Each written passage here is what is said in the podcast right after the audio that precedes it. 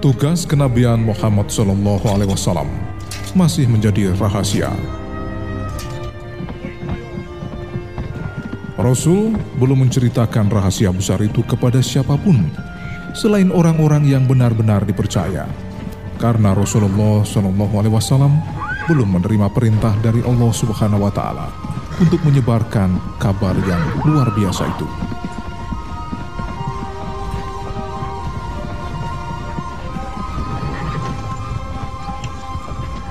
Suatu hari pada masa awal kenabian, ketika Rasulullah Shallallahu Alaihi Wasallam berjalan di Mekah, tiba-tiba mendengar suara yang berasal dari langit.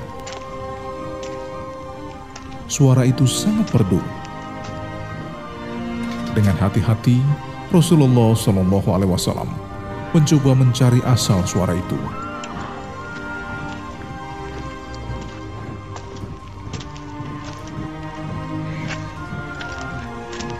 Beberapa saat kemudian ditemuinya malaikat Jibril yang berada tepat di hadapannya.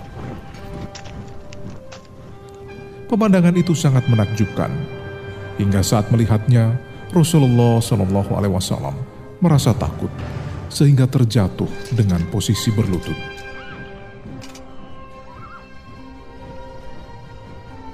Beberapa saat kemudian Rasulullah Shallallahu Alaihi Wasallam berdiri dan berjalan pulang.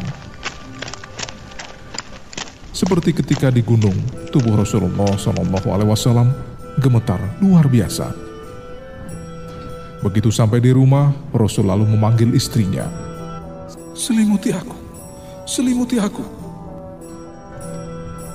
Pada saat itulah Allah Subhanahu wa Ta'ala melalui malaikat Jibril menurunkan wahyu yang artinya, Hai orang-orang yang berselimut, bangunlah, lalu berilah peringatan, dan Tuhanmu agungkanlah, dan pakaianmu bersihkanlah, dan perbuatan dosa tinggalkanlah.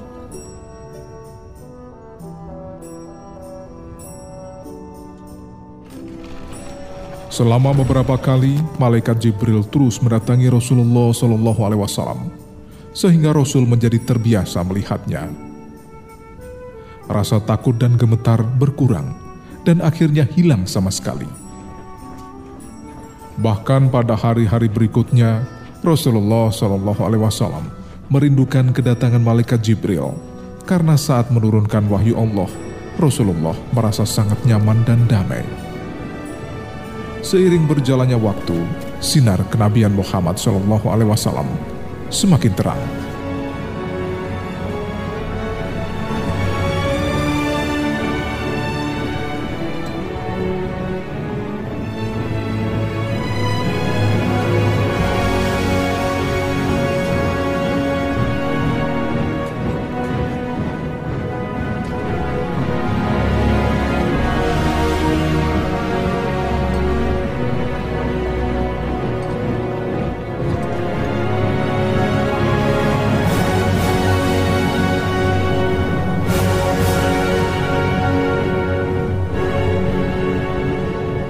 Suatu hari Rasulullah Shallallahu Alaihi Wasallam dan malaikat Jibril kembali bersama di sebuah bukit di Mekah.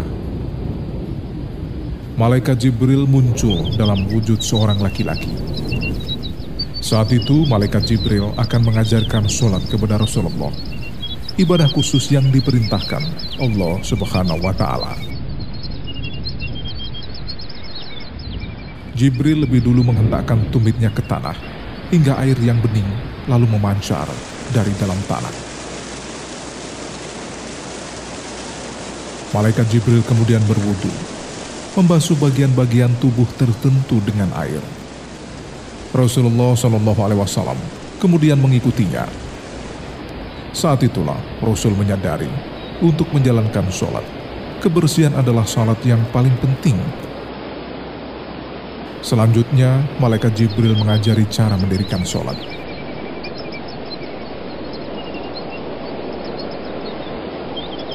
Setelah menjalankan sholat itu, malaikat Jibril kemudian menghilang.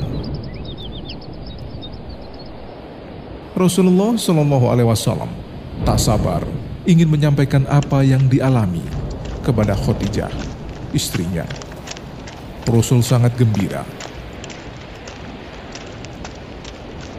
Sesampainya di rumah, Rasulullah lalu mengajarkan sholat kepada Khadijah mereka akhirnya menjalankan sholat untuk pertama kalinya.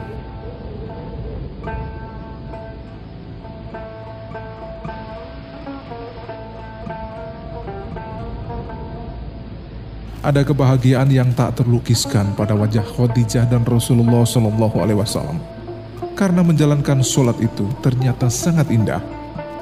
Sebab saat itulah seseorang bisa berhubungan langsung dengan Allah Subhanahu wa taala.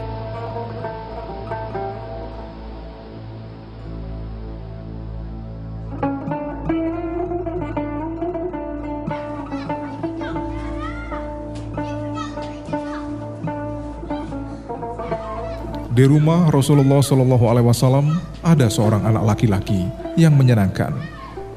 Wajahnya tampan, rambutnya ikal, Warna alis matanya sama dengan rambutnya, hitam legam.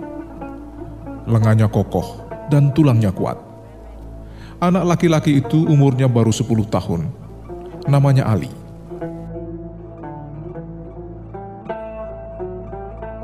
Sudah lama ia tinggal di rumah Rasulullah Shallallahu Alaihi Wasallam. Ali merasa bahagia hidup bersama saudara sepupunya dan Zaid. Selama beberapa hari terakhir, Ali merasakan sesuatu yang berbeda di rumah. Rasulullah Shallallahu Alaihi Wasallam dan istrinya Khadijah tampak sangat bahagia.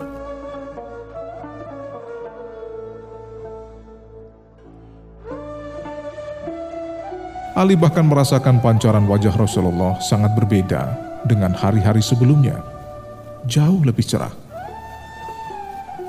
Ali kemudian bertekad untuk mencari tahu penyebab adanya aura yang indah itu. Ia lalu mulai banyak berpikir dan mengurangi tidur malam. Suatu hari, Ali melihat sebuah pemandangan yang sangat menakjubkan.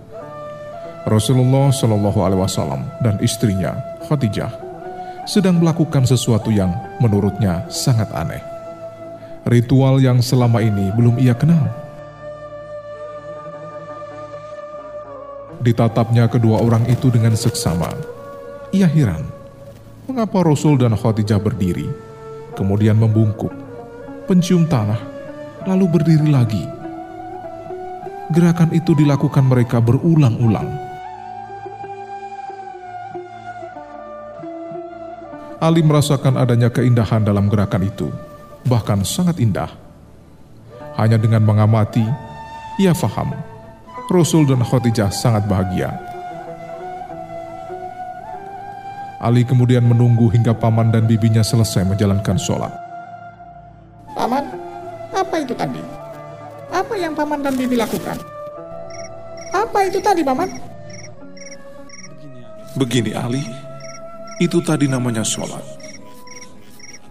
Kami berdoa kepada Allah Subhanahu wa Ta'ala dengan cara seperti itu. Ya, inilah sholat.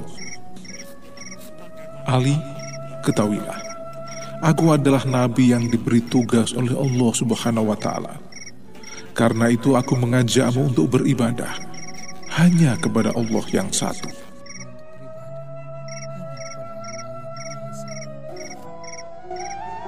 Ali kemudian berpikir, Ini adalah sesuatu yang belum pernah aku lihat sebelumnya. Karena itu aku belum bisa memutuskan. Aku akan bertanya kepada ayahku. Karena belum mendapatkan perintah untuk menyebarkan agama baru, Rasulullah Shallallahu Alaihi Wasallam kemudian meminta, Ali, kalau kamu mau, lakukan apa yang aku katakan tadi. Tapi kalau kau tidak mau, jangan katakan apa yang sudah kau lihat dan kau dengar kepada siapa pun simpan rahasia ini baik-baik.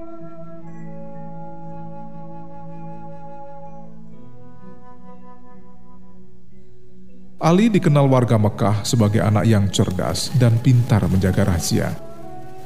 Karena itu ia berjanji pada Rasulullah dan Khadijah untuk tidak menceritakan rahasia besar yang telah diketahuinya.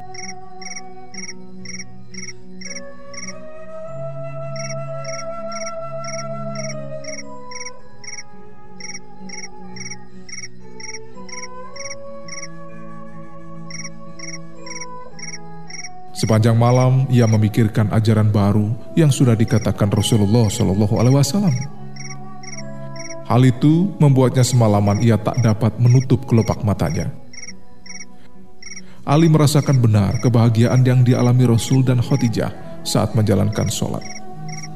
Di sisi lain, ia juga memikirkan bagaimana sikap penduduk Mekah ketika mengetahui ia memeluk agama baru.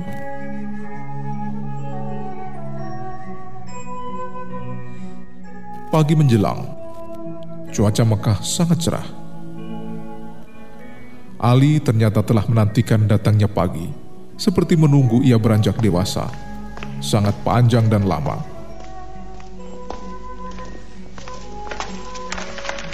Ia lalu menemui Rasulullah Shallallahu Alaihi Wasallam. Ketika Allah menciptakan aku, Dia tidak bertanya kepada siapa pun. Mengapa aku harus bertanya kepada seseorang? Apakah aku akan menyembahnya atau tidak.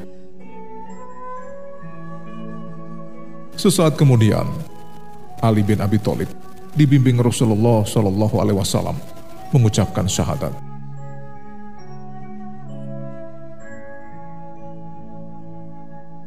Rasulullah Shallallahu Alaihi Wasallam dan istrinya Khadijah berlinang air mata. Keduanya sangat terharu karena ternyata ada orang lain yang percaya dengan agama baru, Islam. Agama Allah Subhanahu wa taala yang diturunkan melalui malaikat Jibril.